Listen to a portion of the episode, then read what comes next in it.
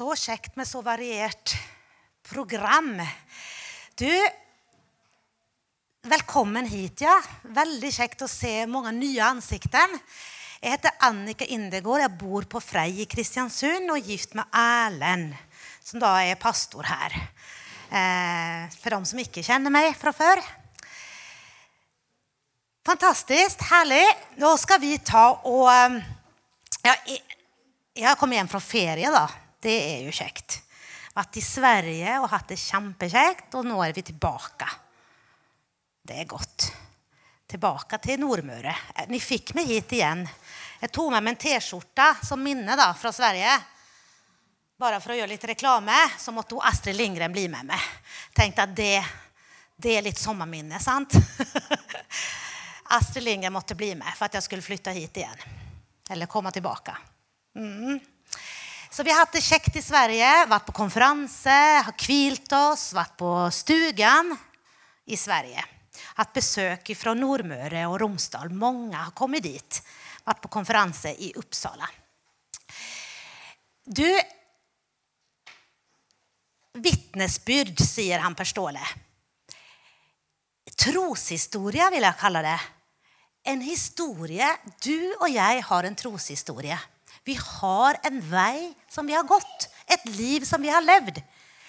Og før vi skal slippe på noen jenter her, så skal vi snurre en film. Se på det her. Malene Katarina, jeg er 20 år og jeg kommer fra Kristiansund. Jeg vil gjerne fortelle litt om hvordan livet mitt var før jeg møtte Jesus. Eh, da jeg var tolv år gammel, så eh, skjedde en tragedie i familien min. Det skjedde noe veldig kjipt. Foreldrene mine bestemte seg for at de skulle skilles. Så var noe som gikk veldig sterkt utover hele familien, og det gikk veldig inn på meg. Jeg ble veldig deprimert. Jeg begynte å ha selvmordstanker. Jeg begynte å, jeg begynte å kutte meg sjøl. Jeg, jeg, var sint og irritert på alle de rundt meg. Jeg kunne ikke, jeg kunne ikke se noe lyst med hele situasjonen. Jeg kunne ikke se noe lyst i framtida. Dette pågikk i noen par år til jeg fylte 15 år og jeg konfirmerte meg. Eh, til konfirmasjonen min så fikk jeg en bibel.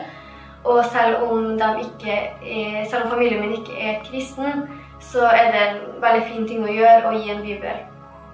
Og da, da, etter hvert så tenkte ikke jeg så veldig mye på den, men etter hvert så begynte jeg å lese den. Og jeg leste fra begynnelse til slutt. Jeg leste fra første bok til siste bok, og jeg leste den to ganger før, eh, før, jeg faktisk skjønte at ordene, det jeg leste, det gikk inn på meg. Jeg, kjenner, jeg, følte noe når jeg leste det. Jeg følte meg så mye bedre. Jeg følte meg så, så mye letta.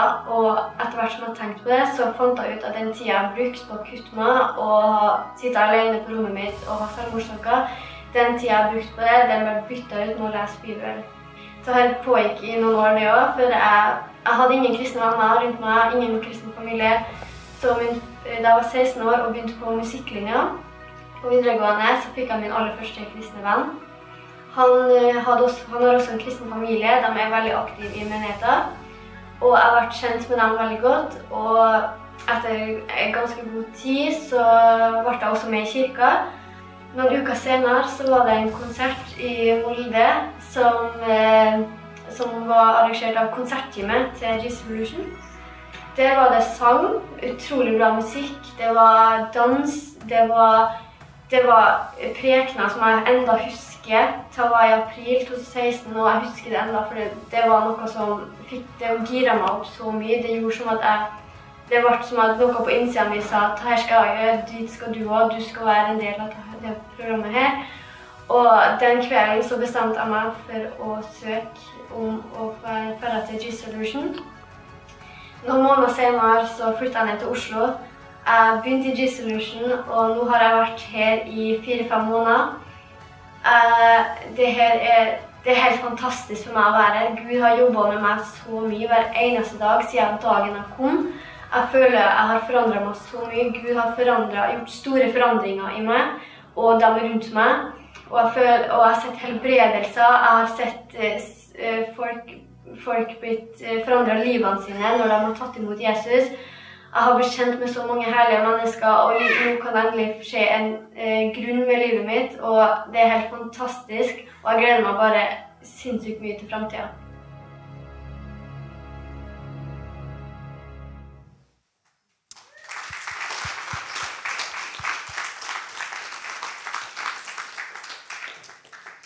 Fantastisk.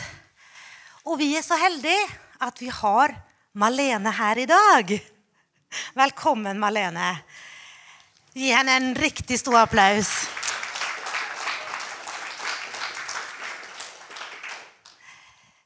Malene, tusen takk for at du har delt denne historien og vært så åpen om livet ditt, om familien din og det du har vært igjennom. Var det ikke sterkt å høre? Mm. Malene, tror du at det er mange rundt deg? Har, kjenner du, hva tenker du når du ser ungdommer på din alder?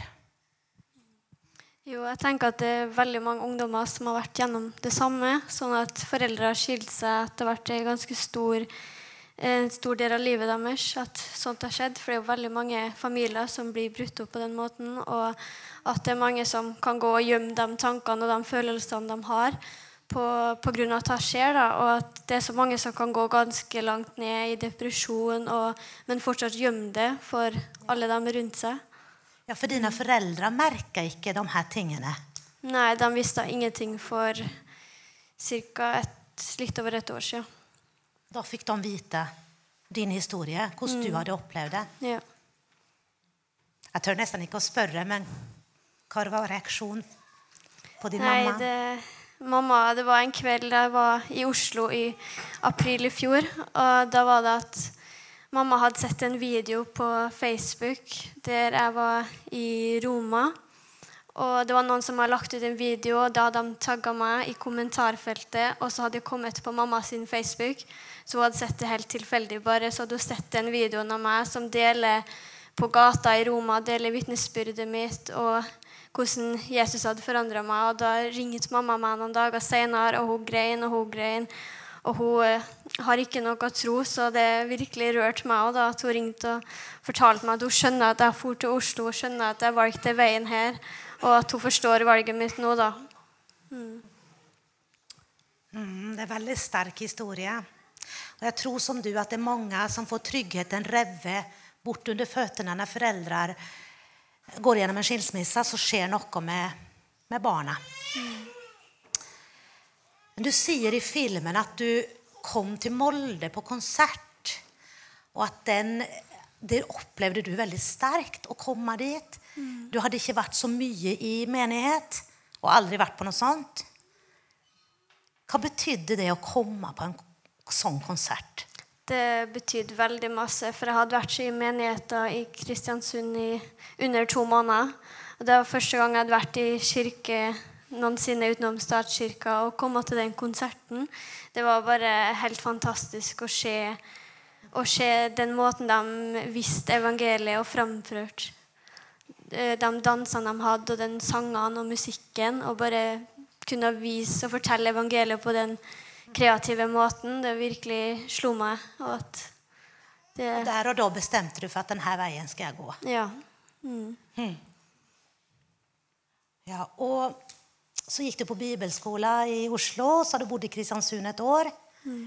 Og nå, da? Og nå er det videre til en ny bibelskole i Kristiansand, der jeg skal gå danselinja på Ansgar et år. Og så får vi se hva som skjer videre. Hva vil du, se, hva vil du si Jesus betyr i livet ditt nå, Malene? Utrolig masse. Det, Jesus er en del av hverdagen min. Og jeg vet ikke hva jeg skulle gjort uten han. Jeg vet ikke om jeg helt hadde vært der egentlig utenom han. Og at det er blitt en rutine i livet mitt å snakke med Jesus, fortelle hvordan jeg har det, og få svar på det jeg spør om. Og bare ha tid med Gud alene hver dag. Så det er blitt en rutine i hverdagen. Så du kan, du, tenker du noen gang på om du ikke hadde møtt menighet, kristne, vært på den konserten? Tenker du på hvordan livet hadde vært da? Ja, jeg gjør det av og til når jeg tenker på alle de vennene jeg har møtt de siste årene. Og hvordan det har vært siden jeg kom til Nordvestkirka Kristiansund i februar 2016. Det er jo litt over to år siden, og så mye har forandra seg på den tida. Og jeg er nesten sikker på at jeg ikke hadde vært der i dag hvis jeg ikke hadde vært en del av det. Ser familien forskjell på deg? Ja, de ser ganske stor forskjell på både humør og på utstråling og på alt sammen, egentlig. Sant, hun er fin. Hun er jo så fin, vet du, Malene. Malene. Er det ikke flott at dere fikk bli kjent med Malene før hun skal reise videre? Hun har stått med oss i to år nå. Kanskje dere ikke her i Fræna har møtt henne, men nydelig. Du er nydelig, Malene. Tusen takk for at du er så åpen. Og jeg tror ditt vitnesbyrd det må du ikke legge skjul på. Du må, ikke, du må bare tale, for mange ungdommer kan bli hjulpet med at du sier hvordan det var. Mm. tror de gjenkjenner seg. Ja. Tusen takk. Vær så god.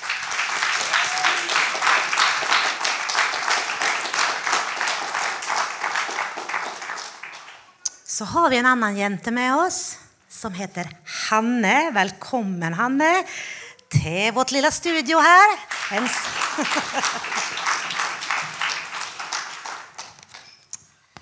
Hanne, du er også fra Kristiansund og har vært med oss i Nordvestkirka. Ja, født og oppvokst. Født og oppvokst i Kristiansund. Eh, du har en ganske sterk historie, Hanne.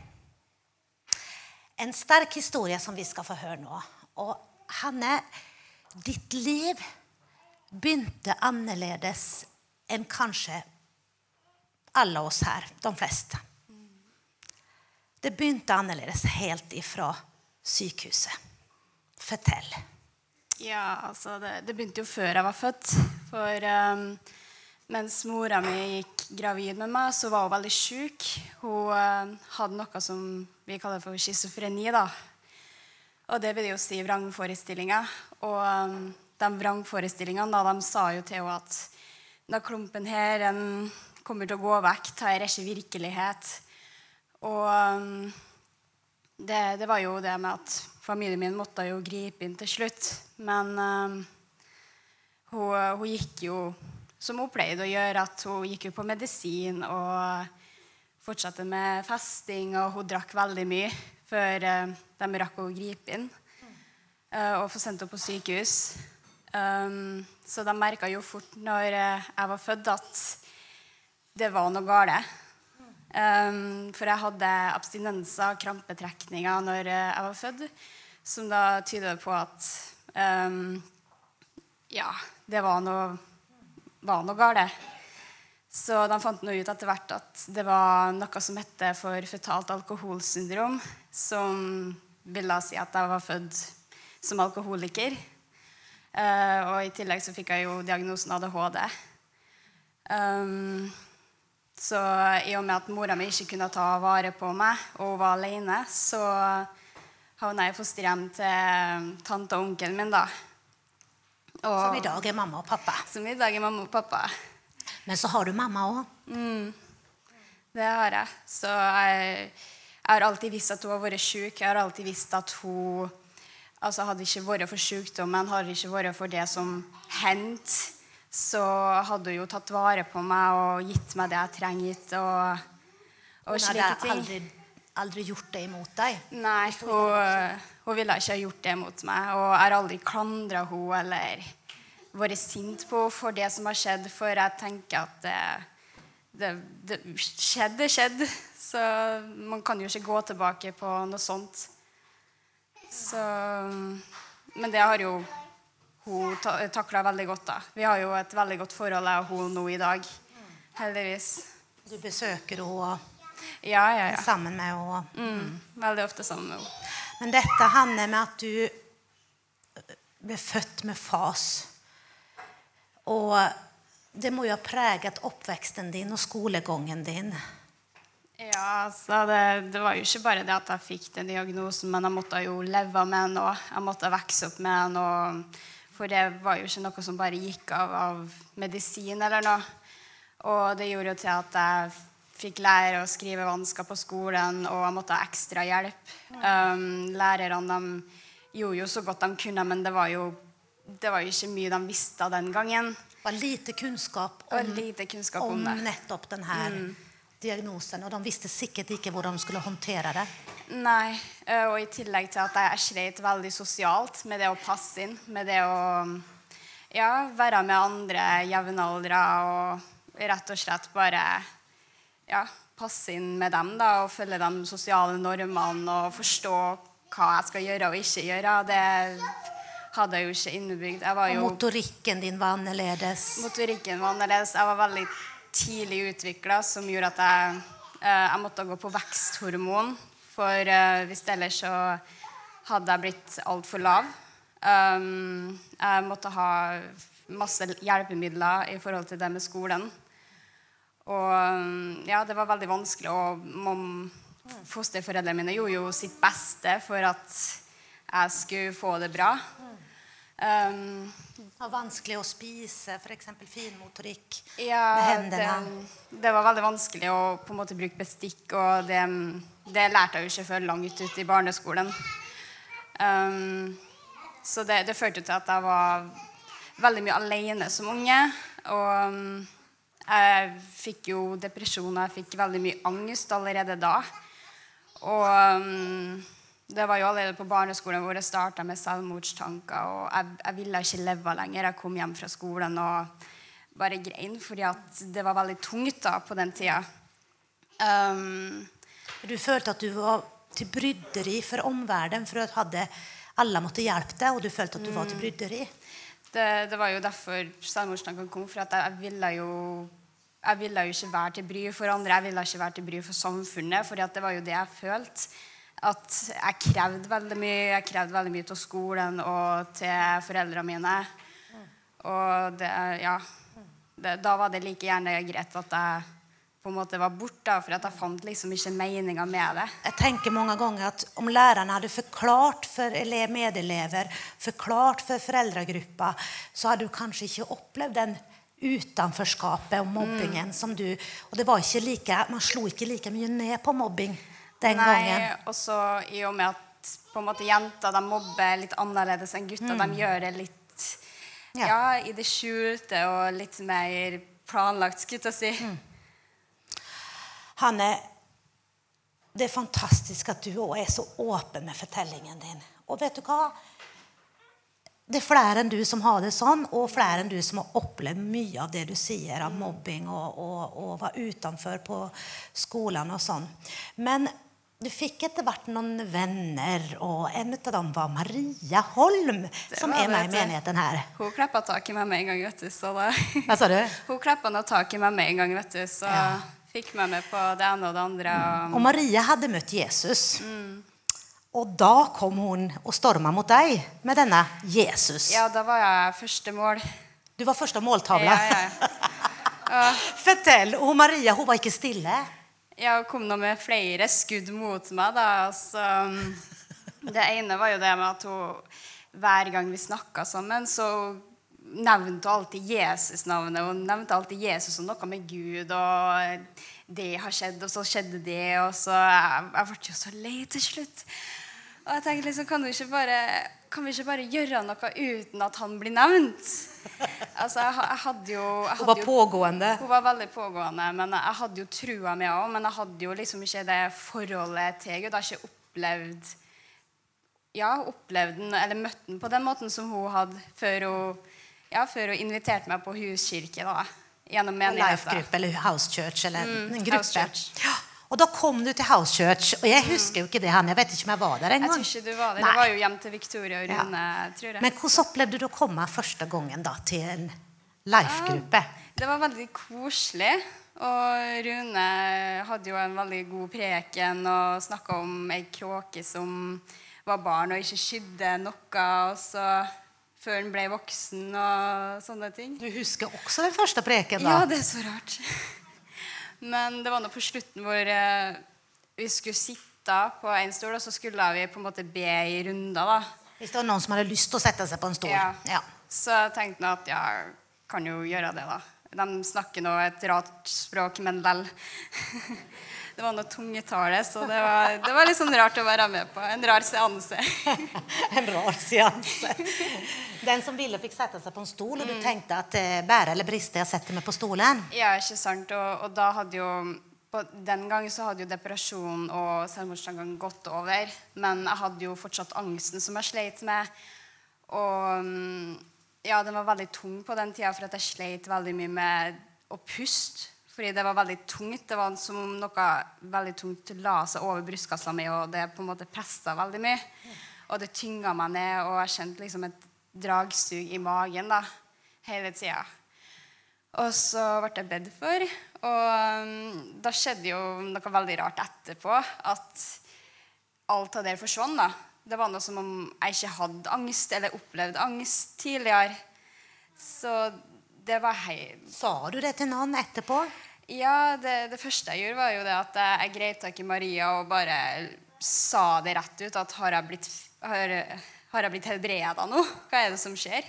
For um, alle hårene på kroppen min reiste seg, og jeg, jeg følte en sånn fred. Jeg følte at nå har alt det tunge bare forret vekk. Nå er det kun nå, Jeg føler meg så lett. Jeg klarer å puste igjen. Det, alt var så letta. Og så ble jeg veldig nysgjerrig på dette. her, Så jeg brukte jo de neste ukene til å lese i Bibelen og i Romerne, faktisk. Jeg som ja, sjelden leser. Aldri likt å lese. Jeg ser heller filmen før jeg leser boka, liksom.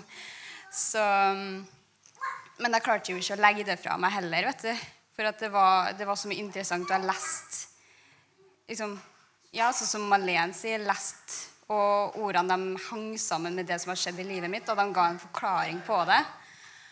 Og um, ja, det var vel etter to uker. Og så gikk det noen uker, da? Det gikk to uker, tror jeg. Og så fredagen der så eh, sa jeg bare tok et valg, og jeg sa at vet du hva, jeg klarer ikke å håndtere livet mitt sjøl. Hvem sa du det til? Til Gud? Det sa jeg når jeg ba. Um, jeg visste jo ikke hvordan jeg skulle be, så jeg bare liksom ba en enkel bønn at jeg vet at jeg ikke klarer å ta livet her nå på egen hånd. Og jeg bestemte meg for at du, Jesus, skal være herre i livet mitt da. Og så tenkte jeg jeg får nå prøve ut det her nå. Og så kom mandagen, og jeg skulle på jobb. Og gikk der nå, så det var en ganske fin dag i tillegg òg, da. Og um, så kom det bare over meg at jeg følte meg for en gangs skyld ikke tom innvendig. Jeg følte at jeg var fylt opp av glede og av kjærlighet, og at jeg endelig var på en måte akseptert. da. Og det var veldig rart, for jeg, jeg, kjente at jeg, liksom, jeg behøvde ikke alle de tingene som jeg trengte før for å fylle opp livet mitt, som å dra på fester og kjærester og slike ting. Det, det var så uviktig. At du ble fylt av fred og glede og en kjærlighet. Ja, det var så uviktig. Men du, vei, du har fortalt at du, sto, du, var på vei til jobb på fortauet, og så kjente du det her. Ja, jeg ble truffet. Så jeg datt heldigvis ikke rett ned. Da. Du har fått bønnesvar, da? For du ba jo noen dager før, da. Ja. Så jeg, jeg, tenker jo at jeg har jo hørt at det har vært folk som har bedt på senga, og så har det vært det. Da, da har de tatt det valget. Men jeg tenker da at Gud han kjente meg såpass godt at han visste at jeg trengte en bekreftelse. Han visste at jeg trengte å bli møtt av han på en så sterk måte som han møtte meg på. Hva tenkte du etterpå den dagen, da? Nei, jeg var jo i lykkehus, så jeg liksom Jeg visste jo ikke hva jeg skulle gjøre, gjøre meg. Så jeg dro hjem da til slutt, og så fortalte jeg jo mamma og pappa om det. Og de, de er ikke så troende, da. Så de Ja, mamma spurte jo bare på bare på spøk, da, når jeg var litt ute i historien, at ja, ble du truffet av Den hellige ånd, da? Og jeg vet du, dønn seriøs. Ja, det har jeg. Og ansiktsuttrykket hennes bare um, Hva skal vi gjøre nå? hva har skjedd nå? Det er ikke alle som forstår det, Hanne, skjønner du. Nei. Men jeg tenker når, når, Gud først møter deg, så er det jo ingen vei tilbake. Da vet du at dette er den virkeligheten som er. Det, da er det kun han som er på en måte midtpunktet. da. Vet du hva? Hanne sin historie. Vi kan ikke tenke oss at Hanne i dag, når vi hører henne og ser henne, hun forteller, hun leser i Bibelen høyt for oss alle sammen Vi kan ikke tenke oss at hun har hatt de problemene hun har hatt opp gjennom hele oppveksten. Noe må ha skjedd med Hanne. Gud har tatt hand om Hanne sin sjel, Hanne sin kropp, Hanne sitt sinn. Hanne leser flott og flytende. Hun er et mirakel, en kjempesterk historie. Vi kan i dag ære og bare Gud med den historien sin. Med at han grep inn og gjorde henne glad. Lett tok bort angsten og kloa på innsida. Det er bare helt fantastisk. Og det er bare Jesus som kan gjøre det her. Hanne. Det beste er jo det at det var jo ingen fortjeneste. Jeg hadde jo ikke gjort noe for å kunne fortjene alt det gode som han gjorde i livet mitt. Så ja, det er jo bare nåde, rett og slett. Det er jo noe ufortjent som han bare har gitt meg, fordi at han ville se det Han smilet. elsker deg. Ja, ikke sant? Akkurat som hun leste i diktet. vet du. Vi er bare så elska av Gud. Du er hans yndling. Og han har forma det, som hun leste i diktet òg. Og nå skal du på bibelskole i Oslo. Og han skal fortsette å forme deg. Og det er et stort steg, han Ja. Vi skal be for Hanne og Malene og de andre som skal reise til slutt på møtet. Men tusen, tusen takk for at du er så åpen med din historie. Takk for at jeg fikk komme.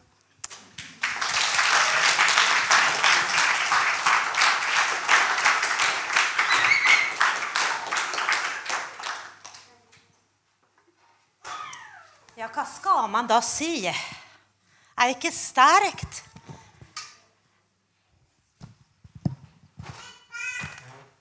Det er Jesus som kan gjøre sånne ting. Som kan forandre liv på den måten. Det er helt fantastisk.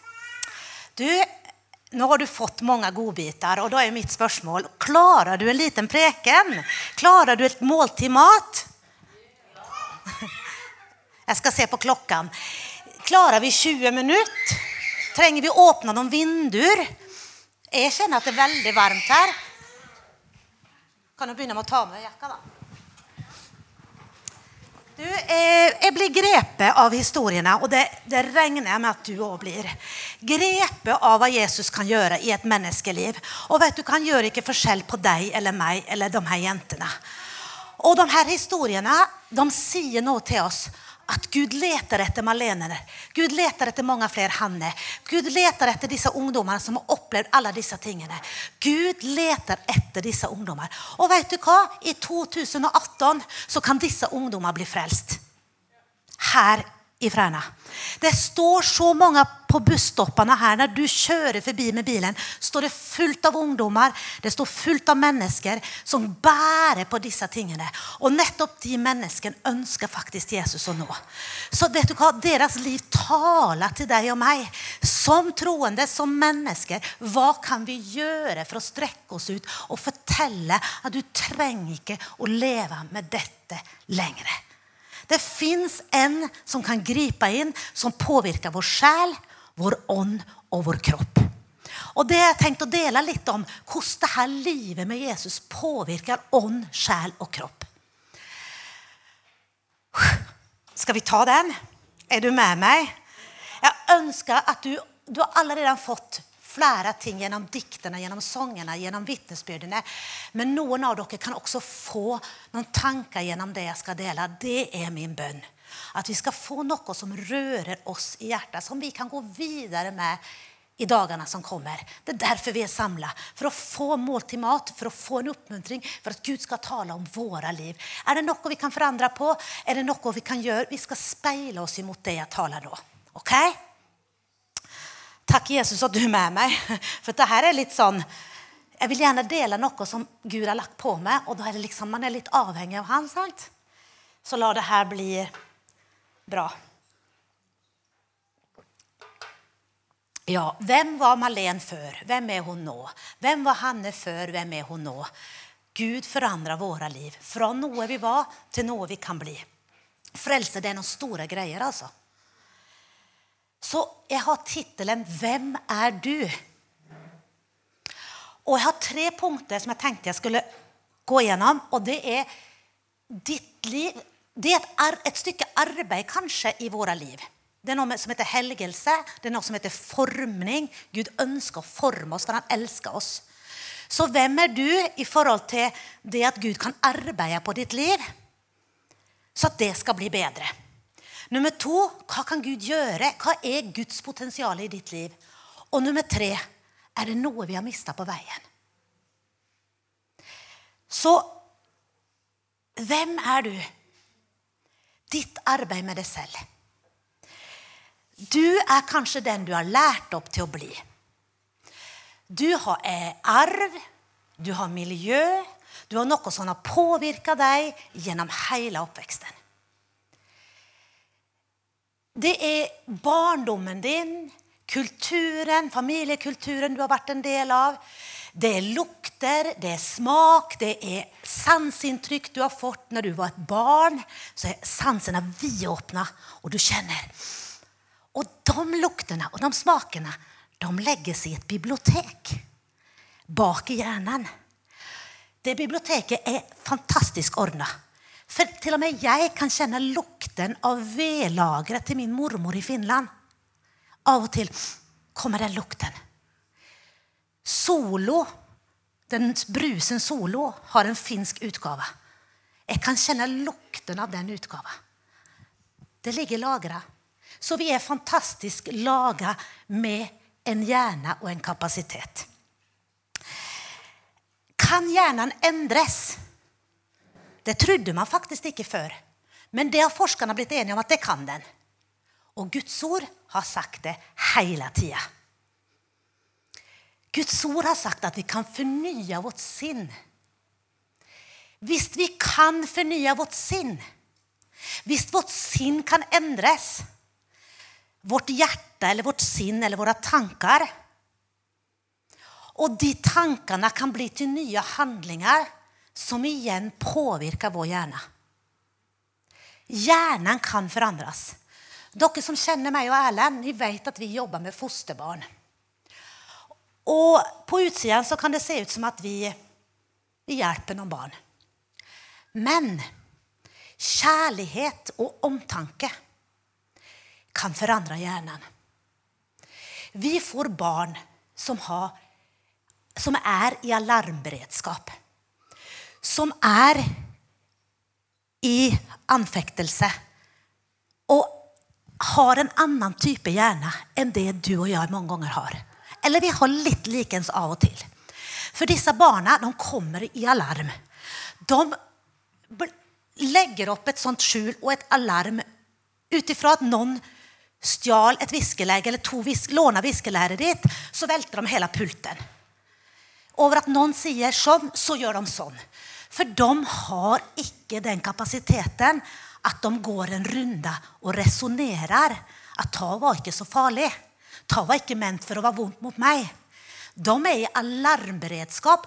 De er der for å forsvare seg. Det er sånn at hjernen av traumatiske opplevelser får sånne direktbaner ut i beredskap.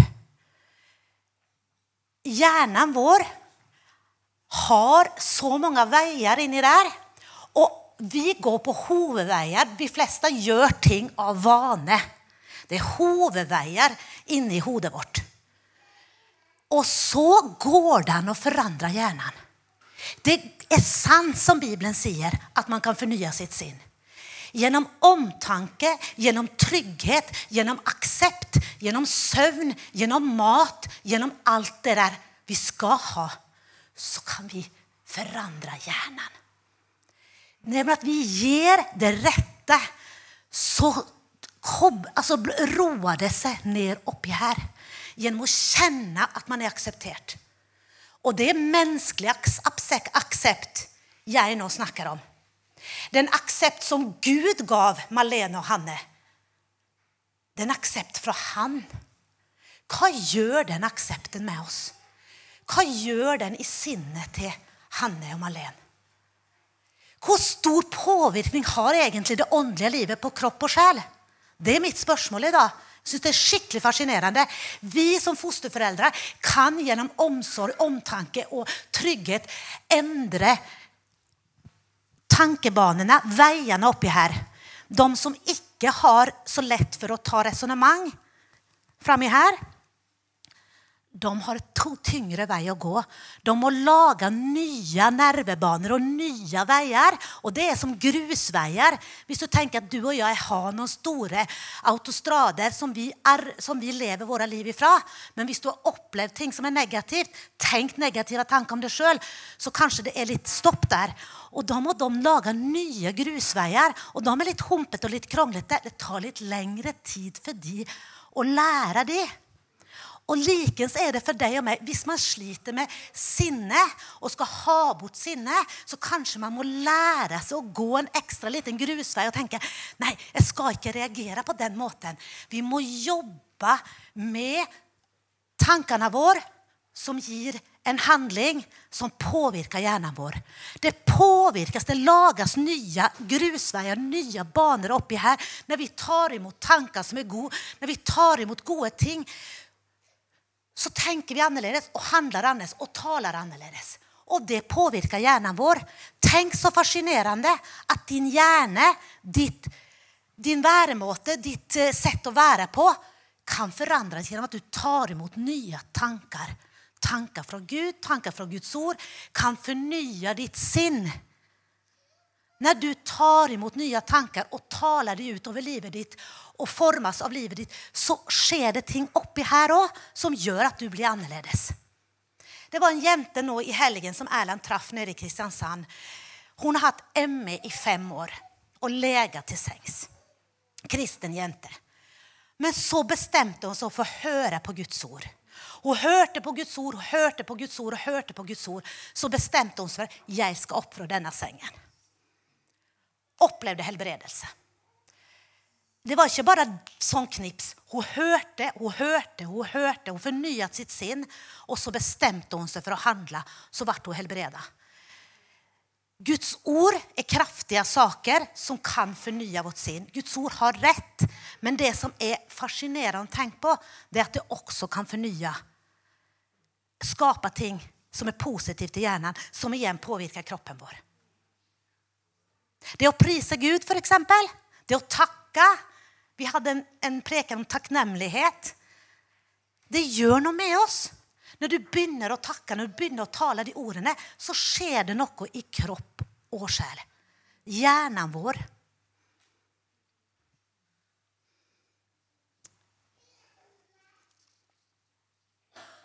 Vi får fire til sju tanker på en gang imot oss. Kanskje vi skal begynne å tenke hva var det for tanker som kom? Analysere de tankene litt. Er de gode? Er de i enlighet med Guds ord? Hva er denne tanken? For det er der fighten står. I tanken. Kanskje det kom en tanke om misunnelse, sjalusi, mindreverde. Hvorfor tenker jeg slik? Jeg er jo elska av Gud. Tankene som kommer, de kommer, de bombarderes. Tar vi imot dem som våre? Taler vi dem ut? Påvirker vår kropp. Glede påvirker positivt. Sorg og bitterhet står det, påvirker negativt. Vet du hva? Vi kan faktisk styre våre liv. Er ikke det ganske heftig og alvorlig?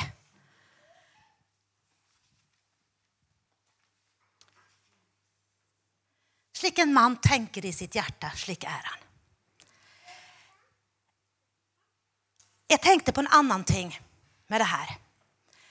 Det står at med hjertet tror man, og med munnen bekjenner man.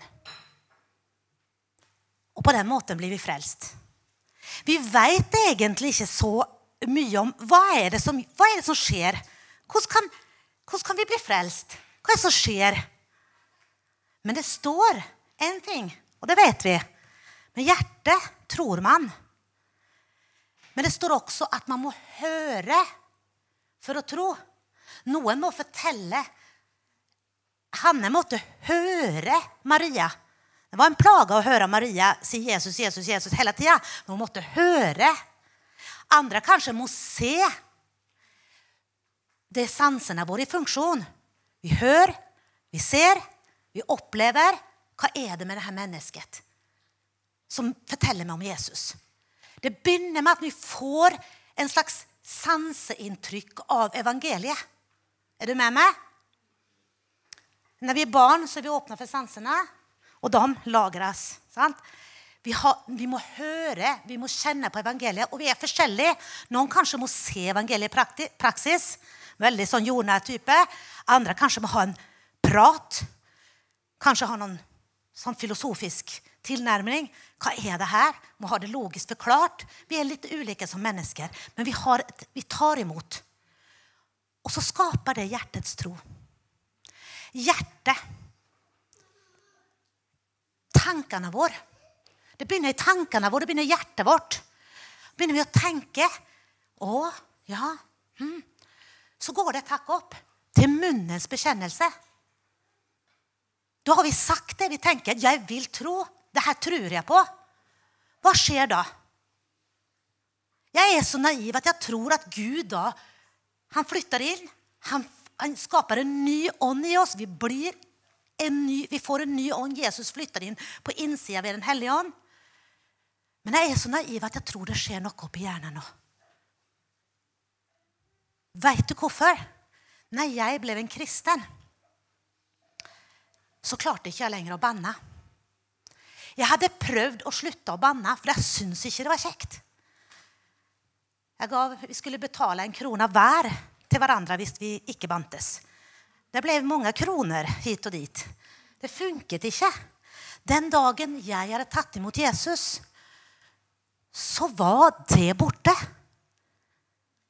Og det var jo den ånden som har flytta inn i meg. Men min hjerne hadde jo produsert det fra språksenteret mitt, de her banneordene.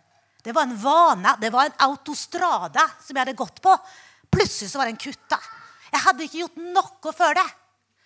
Når vi snakker om frelse, så snakker vi om et sunt sinn. Vi snakker om et sunt sinn. Kropp, sjel og ånd henger veldig tett sammen.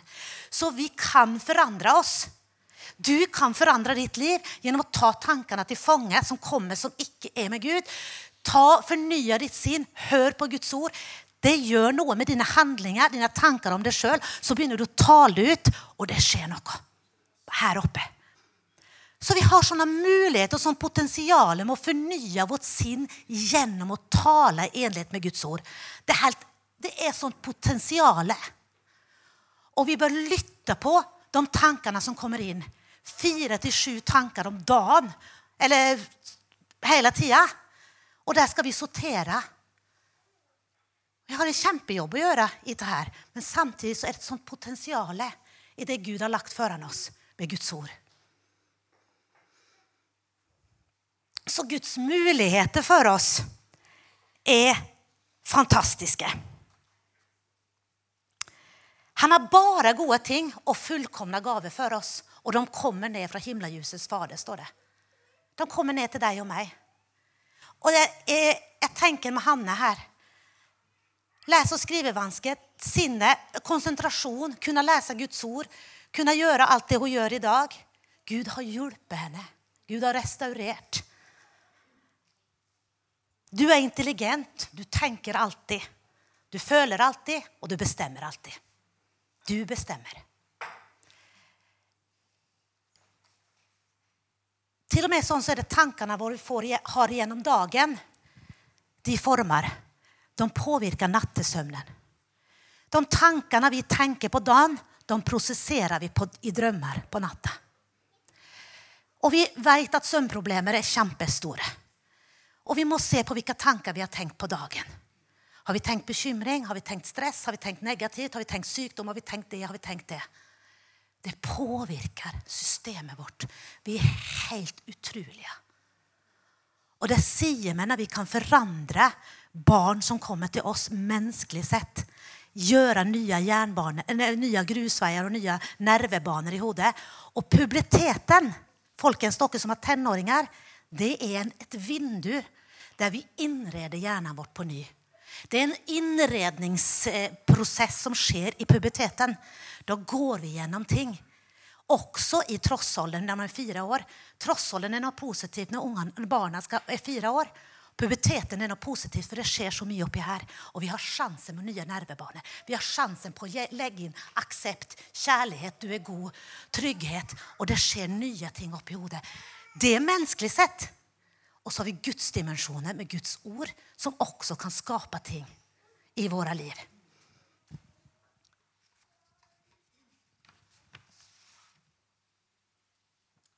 Så hvem er vi? Så hvem er vi? Vi har altså snakket om Skal vi se her, mine papirer her. Ditt arbeid med deg selv. Det er å ta tankene til fange, det er å fornye sitt sinn. Det er å, å ta, liksom, forstå at vet du hva? Jeg kan faktisk bestemme over livet mitt. Jeg kan faktisk ta styring over livet mitt. Jeg kan faktisk, faktisk fornye mitt sinn. Jeg kan tenke rett. Tankene mine fører til handlinger. Handlingene og ordene jeg, jeg handler på de ordene. Jeg er våken på hva jeg sier. Hvorfor kan vi det her? Vi er skapt i Guds bilde. Alle mennesker er elsket av Gud. Alle mennesker er skapt i Guds bilde helt fra begynnelsen av. Ikke bare når de blir en kristen. Alle mennesker er skapt av Guds. Alle mennesker kan oppleve det her, at de kan fornye sitt sinn. Men vi, når vi tar imot Jesus, så skjer det noe med ånd, sjel og kropp. Og jeg vil si hjernen. Er ikke det fascinerende? Er det ikke fantastisk? Så Gud, Gud har store muligheter, for han har skapt oss. Og det siste punktet, det er har du lagt igjen noe på veien? Har du lagt noe ved korsets fot av deg sjøl som kanskje kunne vært med videre? Er det noe du forlatt lengst veien?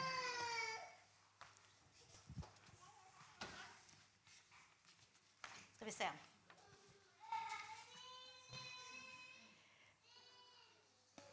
Jeg var den samme før, når jeg, var, når jeg ble en kristen, så var det på utsida var jeg akkurat den samme. Ingen som kunne se det på utsida. Naturlig sett så var jeg den samme. Men han har lagt ned gaver og talenter i oss helt fra starten som han har tenkt å bruke til det gode. Og det står sånn her i Skal vi se nå. Her er det. Innrette dere ikke etter den nåværende tidsalder. Altså ikke innrett dere ikke etter det som er rundt dere. Ikke innrett livet dere etter det som er rundt dere. Men la dere forvandle ved at sinnet fornyes. Så dere kan dømme hva som er av Gud, hans gode vilje, det gode, det som er til glede for Gud, det fullkomne. Så han har med ditt og mitt liv tenkt at vi som menneskebarn skal utøve det gode, det fullkomne, det som er til glede for han. Alle mennesker er skapt til glede for Gud. Men når vi ikke har tatt imot Jesus, så kan vi av og til bruke vår gave i den ondes tjeneste. Jeg, når jeg, før jeg var en kristen, så var jeg frimodig, jeg var glad, jeg var fri, jeg var målbevisst. Jeg var en som brøsja meg fram og gaven. Eh, at jeg fikk kontakt med mennesker. At jeg kom inn på plasser jeg kanskje ikke skulle eh, ha kommet meg inn på. Jeg sneik meg inn på konserter, og jeg brukte frimodigheten min feil. Jeg brukte den urett. Og så er det spørsmål når vi blir frelst. Og legger, legger vi noe ned ved korset av vår personlighet? Legger vi noe ned som troende med at vi forlater en viss personlighet? At vi ikke tar med oss hele oss sjøl inn i det videre kristelivet? For ofte er det sånn at våre miljøer kan si ja, men når du er kristen, så skal du være sånn. Og da skal du ikke gjøre det. Og så har kulturen vår formet slik at vi blir en, kanskje en grå skare. Kanskje gråe, beige, triste, trauste kristne.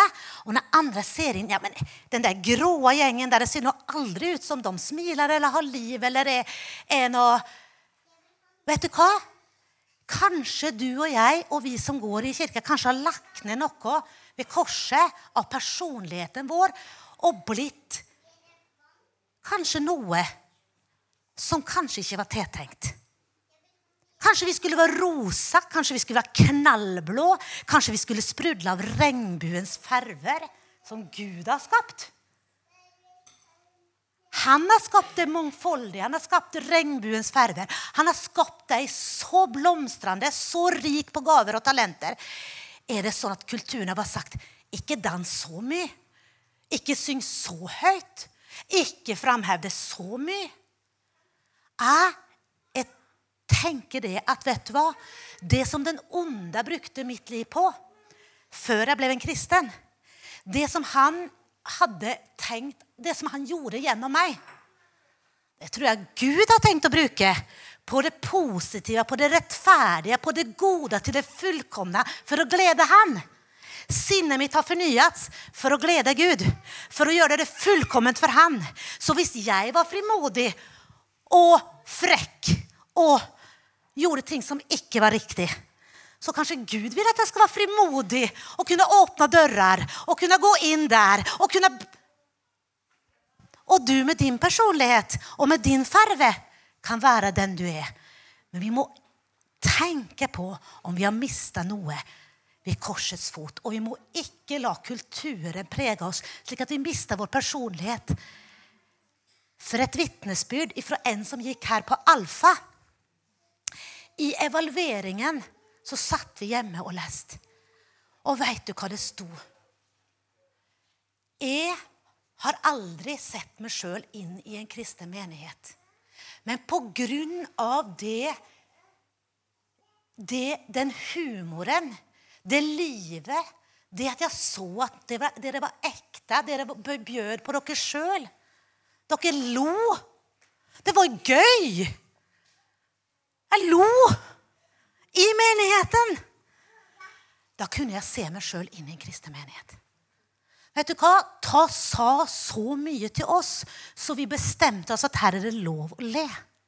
Her er det lov å ha vanlig humor, og her er det lov å le Ja, hvis man kjenner at man har lyst til å le.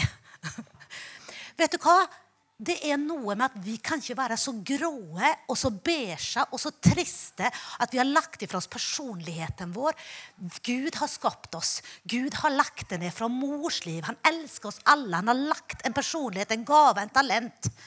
Du kan forandre den gjennom sinnets fornyelse. Gud er der og bekrefter det med sitt ord, i, i, samsvar med sitt ord, så gjør han ting på innsida. Det levende vitnesbyrd, både du og jeg, var alt hva Gud har gjort gjennom oss.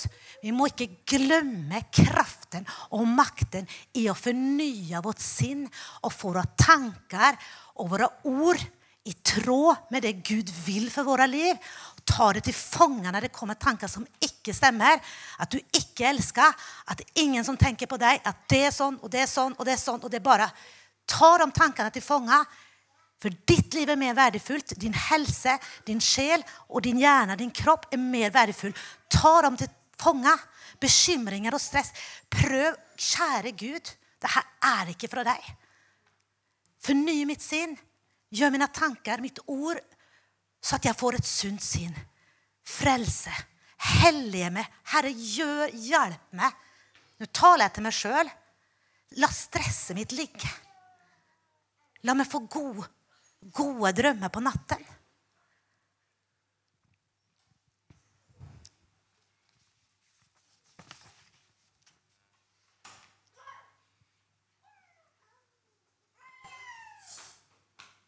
Så vi kan styre våre, egna, vi kan styre våre liv gjennom å fornye vårt sinn.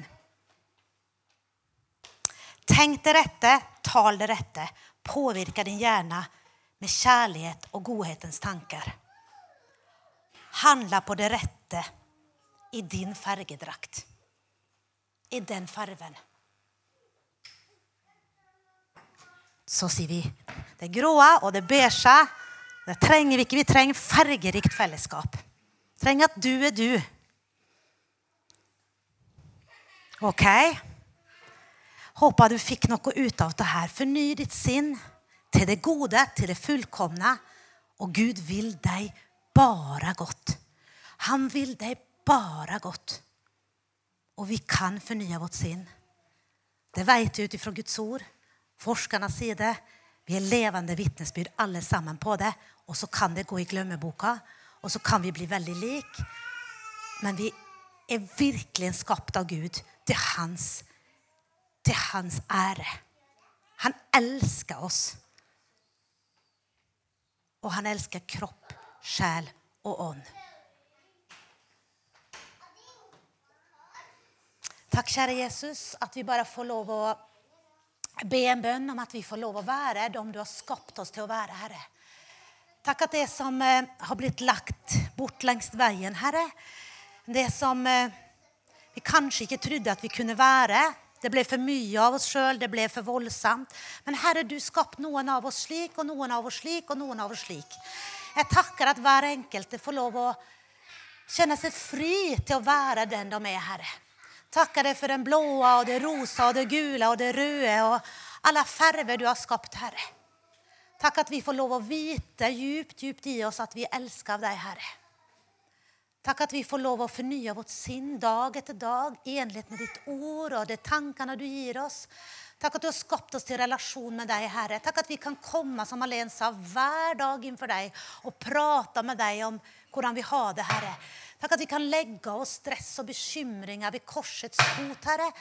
Og ha gode dager og se gode dager og tenke gode dager framover.